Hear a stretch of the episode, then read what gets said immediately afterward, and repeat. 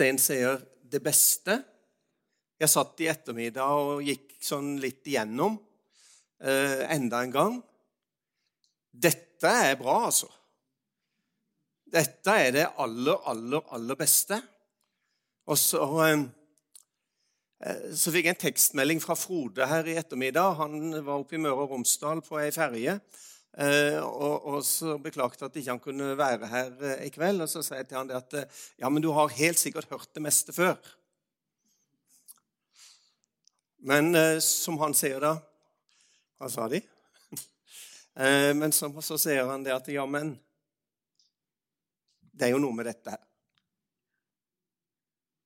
Som vi har hørt, som vi vet, som vi egentlig kan, men som vi kjenner at har liv, har sprengkraft, har eh, næringsinnhold og næringsverdi for oss i det, i det daglige livet. Og så er altså spørsmålet i kveld hva har jeg i Kristus? Uh, og Jeg kjenner jo det for min egen del at, at når jeg liksom begynner på det, uh, så, så, føler jeg meg veldig hjemme. Og kjenner at dette her, det, det, det, det tar litt sånn tak, og jeg kjenner at det, gleder meg, og jeg kjenner at det, at begeistrer meg, og at jeg kjenner at at det betyr noe for meg. Og det tror jeg det gjør for oss som er her uh, i kveld. Og så spør jeg spørsmålet hvorfor er det viktig for oss Hvorfor er det viktig for oss å vite hva vi har? Sist jeg var på her, så snakka jeg om hvem vi er i Kristus, og sa omtrent det samme som jeg kommer til å se nå, i forhold til hvem vi er, og hva vi har. Hvorfor er det viktig? Eh, predikeren sier det står litt annerledes nå i nye oversettelser. Eh, men, eh, men, i den som jeg liksom har i, i her, og, og, mest her, så, så, står det det er bedre at øyet dveler ved det en har, enn at sjelen farer hvileløst omkring.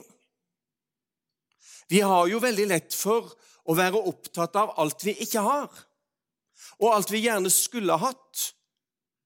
Og så mister vi lett fokuset på det at vi faktisk har. Vi har faktisk fått.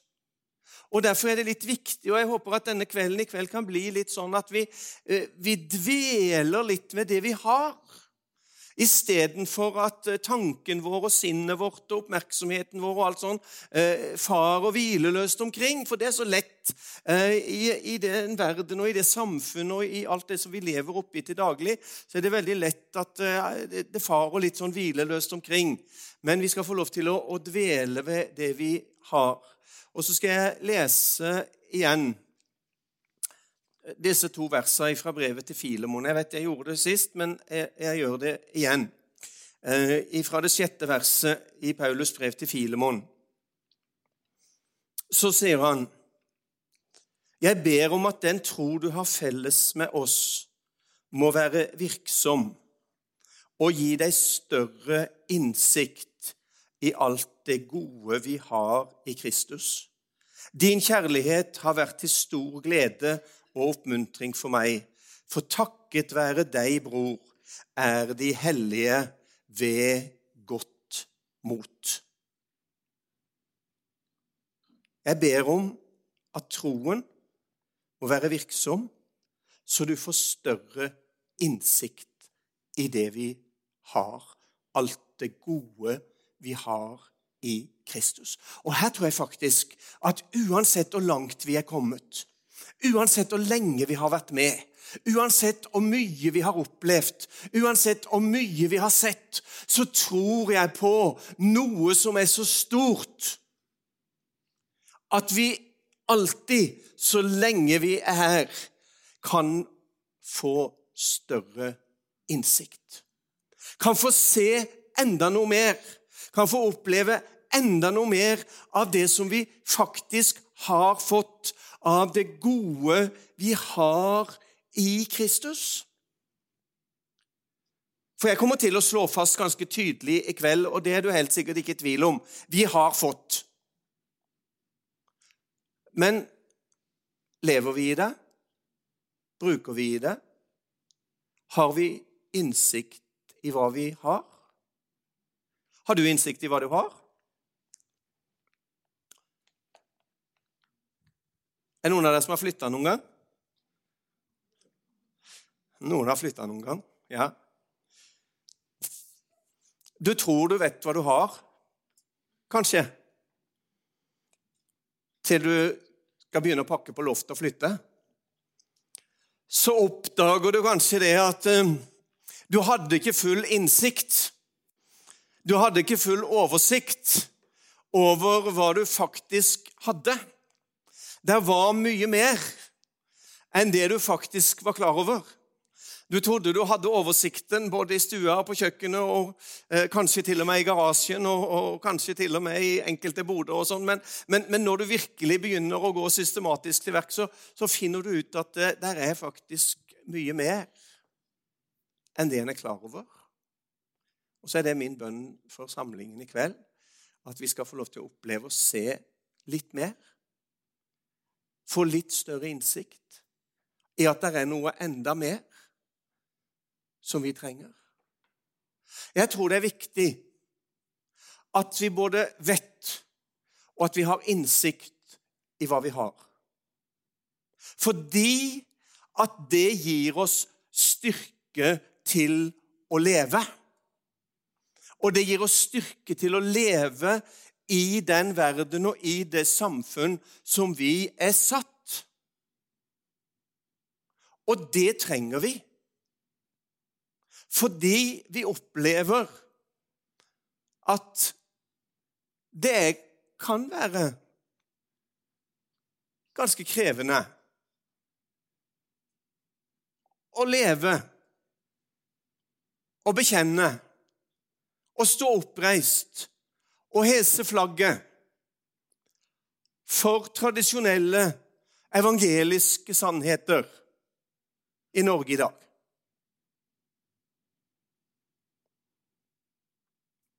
Hvis, hvis du er litt på, så, så, vet du det. Hvis du følger litt med i det som skjer rundt oss, så vet vi det. Og for å kunne takle det uten å bli motløse og nedbøyde og i ferd med å, å gi opp eller noe sånt, så eh, trenger vi å vite hva vi har, og ha innsikt i hva vi har. Så vi kjenner at det gir oss styrke. Det gir oss styrke i troen, det gir oss hvile i troen, og det er med å oppbygge oss, sånn at vi kan oppbygge oss sjøl, og vi kan komme sammen som vi gjør nå, og oppbygge hverandre på vår høyhellige tro, som Bibelen sier. Og så sto det noe om, om Filemon.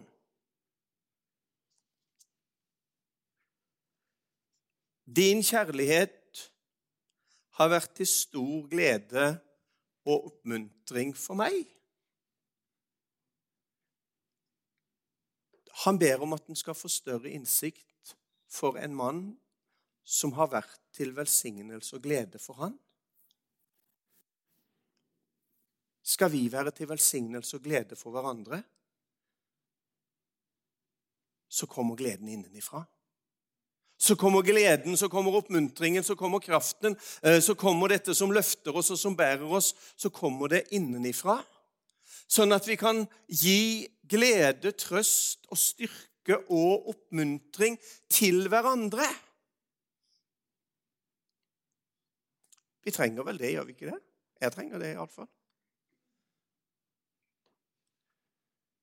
Og så, og så ser han jo da videre her, og det syns jeg, jeg synes det er en sånn fin formulering.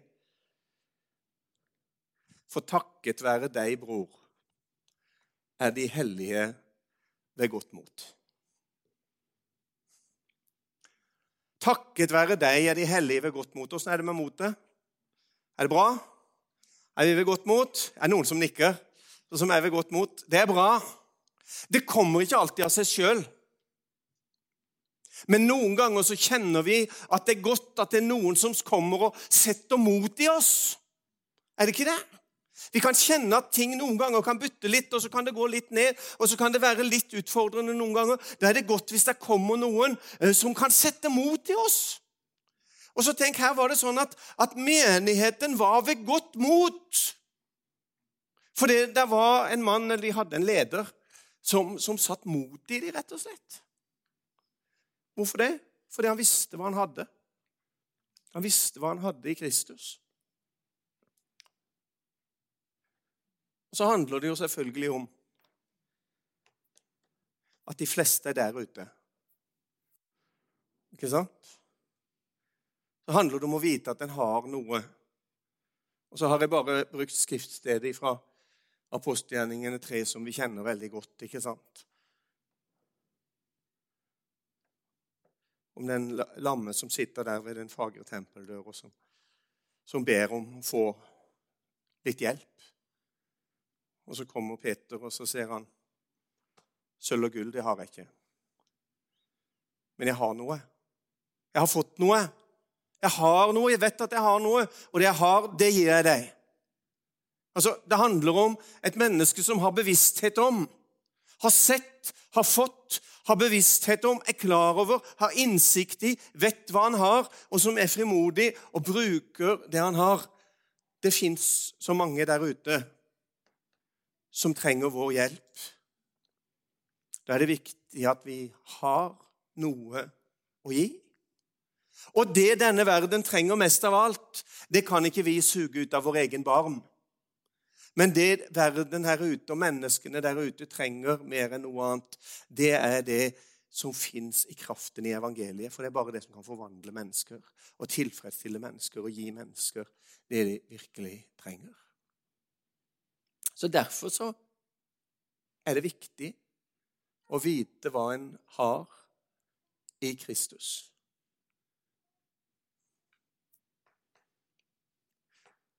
Og så skal jeg ikke bruke veldig mye tid på det, for det at det her, det, det sa jeg ganske mye om sist. Men jeg sier bare det at eh, vi har i Kristus fordi vi er i Kristus. Og så siterer jeg det kjente verset eh, som de aller fleste av oss kan. Om noen er i Kristus, da er han en ny skapning. Det gamle er borte. Se, alt er blitt nytt. Eller se det nye. Jeg syns det er to litt ulike, men to fine og viktige formuleringer, egentlig, selv om de er litt forskjellige. Men først den som er i Kristus. Han har i Kristus.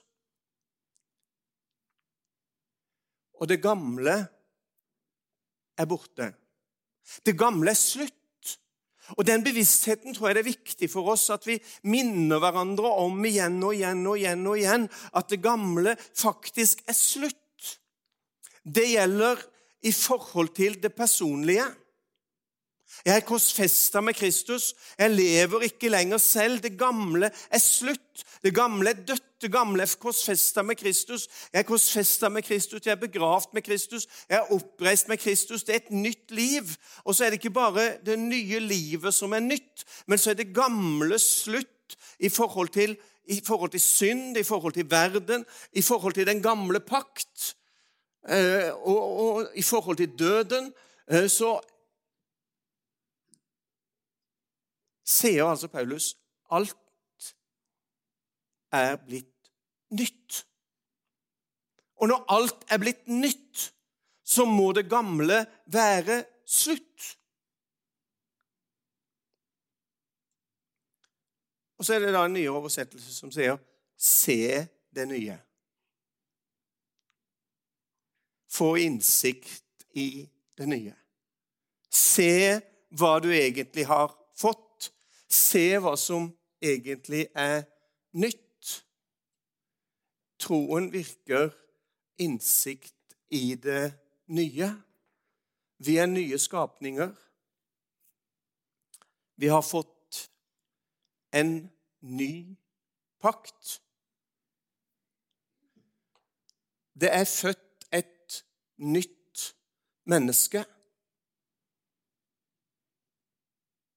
I denne sammenheng så, så, nevner jeg her bare hebreerbrevet, for jeg syns jo hebreerbrevet er et fantastisk brev i forhold til dette her. For hebreerbrevet handler om å holde fokus på det nye. Fordi at Utgangspunktet for hebreerbrevet var at, at det som var eh, mottakere av brevet, eh, de var i ferd med å miste fokus, og så var de i ferd med å gli tilbake til det gamle og begynte å se på det gamle, at det var så stort, og det var så flott, og det var så fantastisk. Alt det som var i det gamle. Men så er hebreerbrevets forfatter veldig tydelig på å fortelle Jesus Kristus er Guds sønn, og Guds sønn er større enn alle. Og så måler han med engler, og så måler han med Moses, og så måler han med det ene og det andre som var stort i det gamle pakt. Han måler han med tempel, og så måler han med alt dette som var synlig og konkret og stort i det gamle. Og så fremstiller han, og så ser han men Jesus Kristus er større. Og det er han vi er samla om i kveld. Som uansett hvor stort noe måtte være, er større.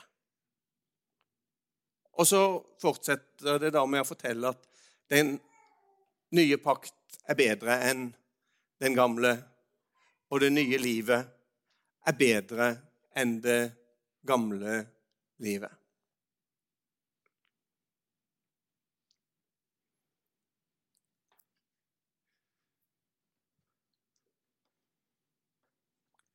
Romerbrevet 8, vers 23.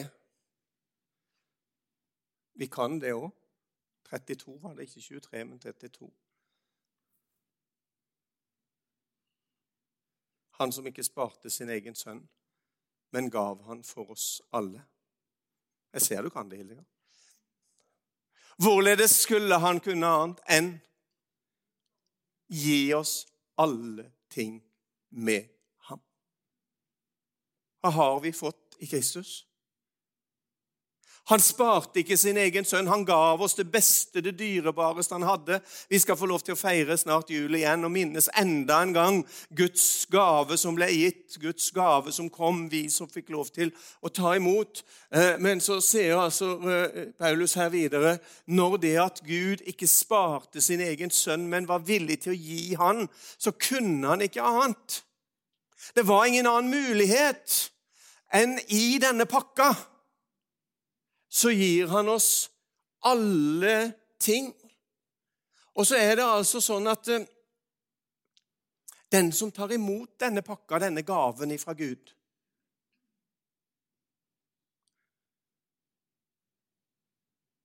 Han får alt. Det er en del av pakka. Og det er her vi kanskje trenger å minne hverandre litt på igjen. Så for vi syns kanskje noen ganger at eh, ja, han har fått så mye, og hun har fått så mye, og jeg har fått så lite, og, og, og det er litt puslete med meg, men hadde jeg bare vært som den eller den, så hadde det jo vært fint, for den er så flink og kan og har fått så veldig mye. Kjære venner her i kveld, vi har fått den samme pakka alle sammen. Gud ga sin egen sønn, og han kunne ikke annet enn gi oss alle ting ved han. Det handler bare om å se det og tro det og ta imot det og leve i det. Altså Nå løfter vi oss ikke sant, opp på en sånn der åndelig dimensjon, og så kan vi se at ja, nå løfter vi oss nesten ut av eh, verdens virkelighet. På mange måter gjør vi det. Men jeg tror at det å løfte oss opp i denne virkeligheten, den åndelige virkeligheten, det gir oss kraft og mot og frimodighet og glede til å kunne leve inn i den hverdag som vi er satt, inn i den, det nabolaget som vi er satt, inn i den jobbsituasjonen som vi er satt, inn i blant de menneskene som er rundt oss, inn i den familien som vi er satt. Eh, så tror jeg at dette er det som gir oss det vi behøver for å kunne leve og være ikke noen sånn åndelig svevende, merkelige individer, men mennesker blant mennesker eh, som er trygge og fundamentert i sin egen tro, og ikke lar seg kaste og drive, som Bibelen sier, av alt som vil ta tak i oss og kaste og drive oss hit eller dit. Men vi er fast fundamentert, for vi vet hvem vi er, og vi vet hva vi har.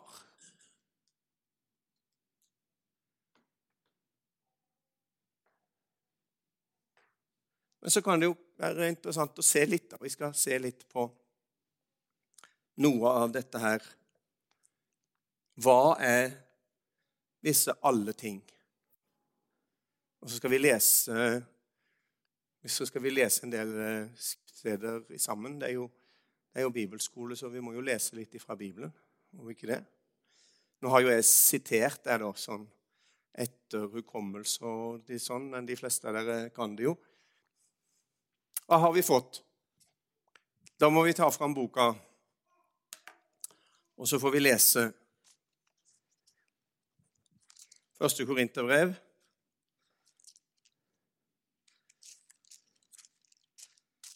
Og jo mer vi, vi, jo mer vi kommer til å lese nå, jo voldsommere blir det. det gjør det. Første Korinterbrev 1. Og vi tar oss tid til å lese fra vers 4 til og med vers 9.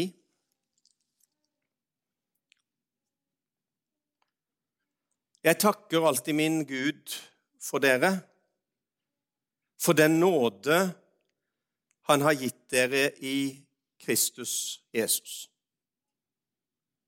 For den nåde han har gitt dere i Kristus Jesus. Jeg syns det er veldig fint at han begynner med nåden. Først og fremst har vi fått nåde. Nåde i Kristus Jesus. Hva hadde vi vært uten at vi hadde fått nåde? Vi har fått nåde. Og så videre. I Han er dere blitt rike på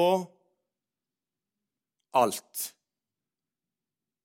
Det er, et, det, er et, det er et, sterkt ordbruk. I Han er dere blitt rike på alt. På all lære og all kunnskap. Vitnesbyrdet om Kristus har da også fått sikkert feste hos dere Derfor mangler dere ikke noen nådegave mens dere venter på at vår Herre Jesus Kristus skal komme. Han skal også grunnfeste dere helt til enden kommer, så dere kan stå uten å bli anklaget på vår Herre Jesu Kristi dag. Gud er trofast, Han som har kalt dere til fellesskap med sin Sønn Jesus Kristus, vår Herre. Alle ting med Han. Dere som har fått nåde. Det er å, det er ingenting å rose seg av her. Det er ingen av oss som trenger å på en måte stille oss fram og, og, og liksom Ja, men jeg hadde jo fortjent litt mer enn ikke sant? For jeg har ikke sant? Nei. Det er ingen av oss som er der. Det er ingen av oss som tenker der. Men grunnlaget ligger der. Det handler på ingen som helst slags måte om det. Dere har fått nåde. Og fordi dere har fått nåde, så har dere gjennom det blitt rike på alt.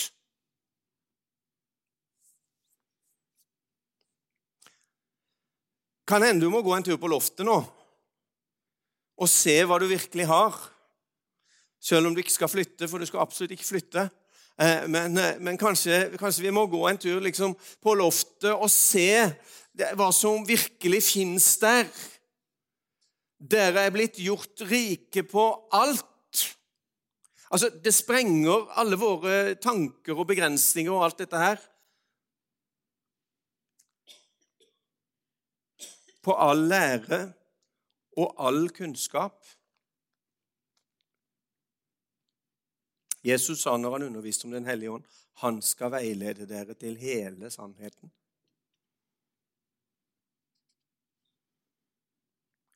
Vitnesbyrdet om Kristus har fått sikkert feste hos dere. Derfor mangler dere ikke noen nådegave mens dere venter på vår Herre Jesus Kristus skal åpenbare seg. Forteller altså Paulus menigheten i Korint at her er det velstand. Dere skal ikke bli overmodige, men dere skal vite at Gud i Kristus Jesus har gitt dere alt sånn at dere ikke skal mangle noe mens dere venter på vår Herre Jesu Kristi åpenbaring på at Jesus kommer igjen. Vi, vi, gjør jo det. Vi lever i den tid der vi venter, og det har menigheten gjort i hele sin tid. Så har menigheten levd i den tid der vi venter på at Jesus skal komme tilbake. Og i denne venteperioden eh, så har vi fått den rikdom som vi trenger, den utrustning som vi trenger, de nådegaver som vi trenger. Hva hender du må gå på loftet en tur til. Og så plukke fram nådegaveskrinet.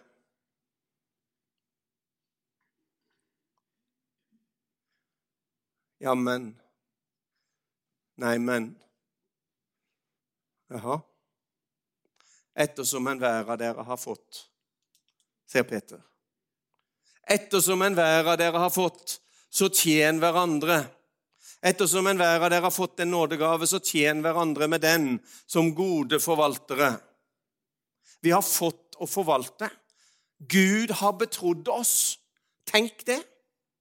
Det er stort, det. Tenk at Gud har betrodd oss av bare nåde så har han betrodd oss. Vi har fått disse rikdommene, og gavene er blitt betrodd oss for at vi skal forvalte det. Vi er blitt betrodd mens vi venter på Jesus.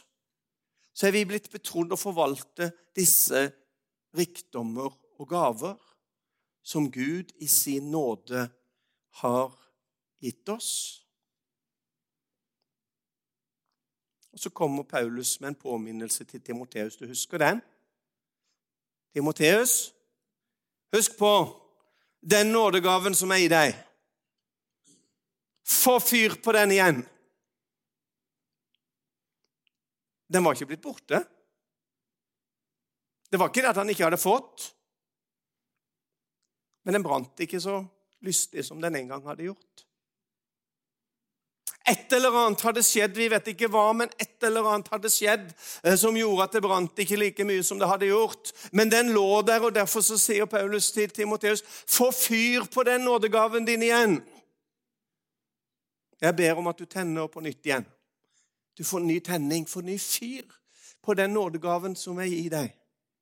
Den som ble gitt deg når du var helt ung. Hva har vi? Vi er gjort rike på alt for at vi ikke skal mangle noen nådegave. Hvorfor skal vi ikke mangle noen nådegave? For vi skal være grunnfesta helt inntil enden kommer. Vi skal stå fast inntil enden kommer. Vi skal oppmuntre hverandre, eh, vi skal inspirere hverandre, sånn at vi er ved godt mot når det at vi nærmer oss avslutningen, eh, så trenger vi mer enn noen gang å være ved godt mot og oppmuntre hverandre. Og så er det viktig at vi gir hverandre dette vitnesbyrdet for at dere skal stå uten anklage på vår Herre Jesu Kristi dag.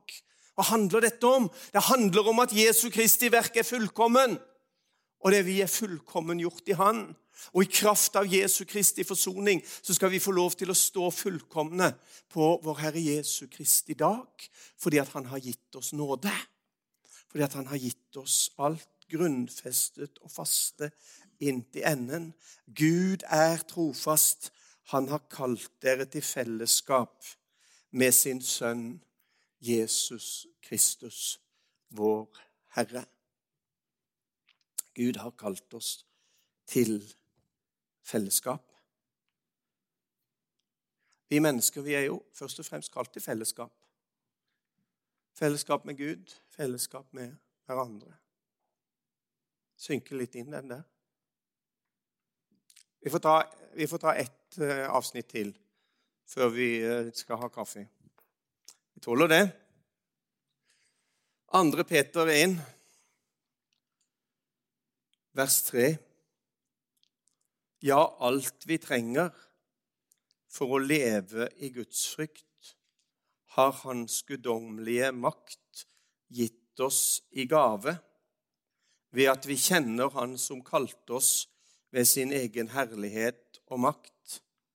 Slik har vi fått de største og mest dyrebare løfter, og ved dem, ved dem skulle dere få del i guddommelig natur,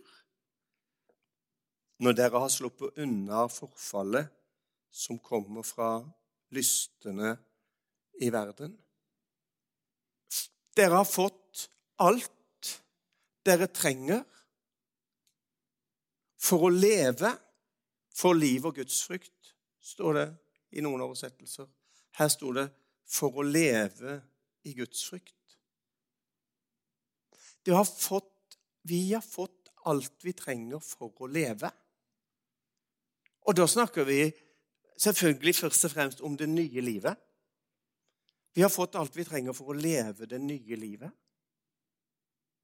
Hans guddommelige makt har gitt oss det i gave. Og så sto det i vers 4.: Slik har vi fått de største og mest dyrebare løfter. Vi har fått de største og mest dyrebare løfter.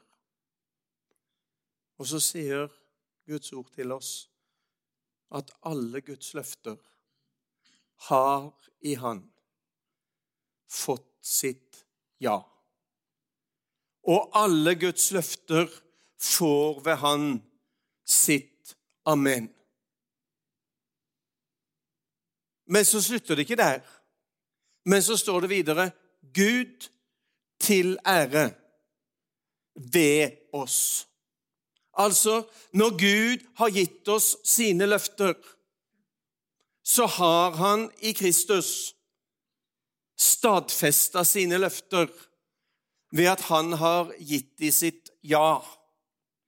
Og så har han sagt amen. La det skje. Hvorfor det? For at Gud skal bli æra gjennom oss. Altså ditt og mitt liv. Ved at Guds løfter og Guds ordet leves og oppfylles i oss, så blir det ikke sånn at, at eh, Kjell blir æra, eller Stein blir æra, eller noen andre blir æra. Men når Gud virker ved sin nåde i oss og gjennom oss, så er det Han som blir stor. Så er det Han som blir opphøya. Så er det Han som blir løfta opp så er det han som får ære.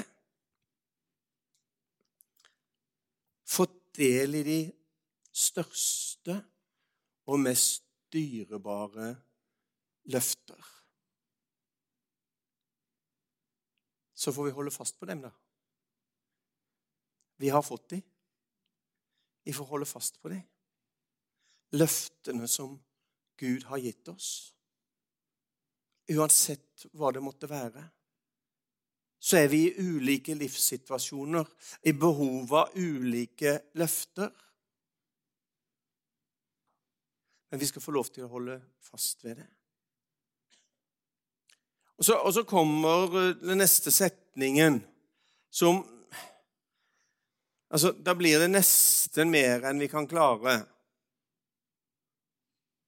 Når det at eh, det her eh, står at ved dem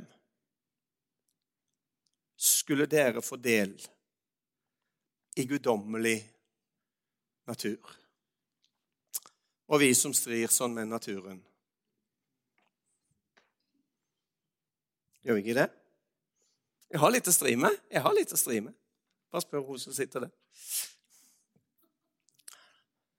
Og, og, og, heldigvis så tror jeg at der er vi i samme båt alle sammen. Eh, vi har litt å stri med, eh, og syns kanskje at det er utfordrende eh, i forhold til guddommelig natur. Men da har jeg lyst til å, å bruke Paulus ord.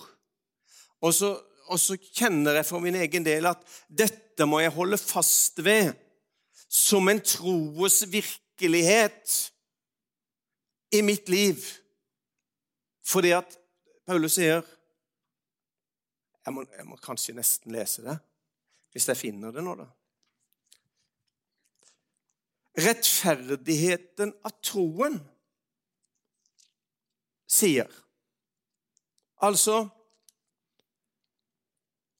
ikke mine følelser, ikke mine tanker, ikke mine eller andres opplevelser av situasjonen, men rettferdigheten av troen har på en måte et, et eget språk. Og hva sier rettferdigheten av troen? Jo, den sier at vi trenger ikke å fare opp for å hente Kristus ned, eller ned for å hente Kristus opp. Men ordet er oss nær, i vår munn og i vårt hjerte. Det er troens ord, det som vi forkynner. Altså, vi forkynner ikke en følelse. Vi forkynner ikke en tanke. Vi forkynner ikke en opplevelse. Men rettferdigheten av troen, som er født inn i våre hjerter, har en egen røst. Og jeg tror det går an å snakke til seg sjøl. Ja, vi gjør vel kanskje det når vi kommer litt opp i åra, blir vi litt rare, og så begynner vi å snakke til oss sjøl. Hva sier David? Han sier 'min sjel'. Sant? Han snakker til seg sjøl, og så sier han, 'Min sjel, lov Herren'. Og alt som i meg er, lover Hans hellige navn. Han snakker til seg sjøl. Rettferdigheten av troen, den sier så. Altså, det er, ikke, det er, ikke, mennesker som sier, eller tanker eller omstendigheter, eller noe annet som sier, men rettferdigheten av troen, den sier så. Du har fått del i guddommelig natur at troen må gi deg større innsikt i alt det gode vi har i Kristus Jesus. Så skal ikke vi gå rundt og, og tro om oss sjøl at vi er noen sånne små guder eller Jesuser eh, som går omkring. Men vi skal få lov til å tro om oss sjøl at Kristus lever ved troen i våre hjerter.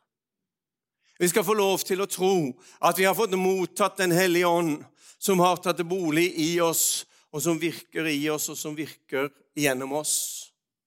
Vi har fått del i noe av det guddommelige. For det er det guddommelige som er evig. Det er det nye guddommelige i oss som er evig. Det er jo derfor Paulus skriver, og snakker han om at det utvortes vårt legemes jordiske hus, som han sier. Kroppen vår, den er under nedbrytning. Sånn er det fordi vi er en del av forgjengeligheten. Og fordi at forgjengeligheten er virksom i oss, så er det sånn. Men vi har noe i oss som er født av Gud. Og det som er i oss, som er født av Gud, det fornyes dag for dag. For det er evig. Fått del i det evige. Fått del i det guddommelige. Og så, så, slutter jeg med en, en kraftsats, og du syns kanskje den er å gå litt langt. Men jeg tror jeg kan stå inne for den. Vi har fått alt, og du får ikke mer. Du får tygge litt på den. Fordi at når Jesus på korset roper ut 'Det er fullbrakt', så er det et vitnesbyrd om at det, det, er ferdig, det er gjort, det er fullført. Det kommer ikke noe mer. Det er avslutta. Kristus kommer, og så gjør han alt ferdig og fullkomment. Og når han har gjort alt ferdig og fullkomment, så åpenbares han for Guds åsyn for vår skyld. Og så gir han oss alle ting med ham. Men det handler om å se det, å leve i det og nyttiggjøre seg av det. Egentlig så har du ingen nytte av alt det som ligger på loftet, og som du ikke er klar over at du har. Du har ingen nytte av det. Du har ingen glede av det heller. Du kunne like godt ikke hatt det, men du har det faktisk. Og da er det om å gjøre å få det fram, sånn at det blir synlig, sånn at det blir tjenlig, sånn at det får lov til å være til det det skal være. Det er ikke giveren det står på her. Han har gitt oss hele pakka. Men det handler om å se det, om å leve i det, om å nyttiggjøre seg av det. For sin egen del, og for å kunne ha noe å dele.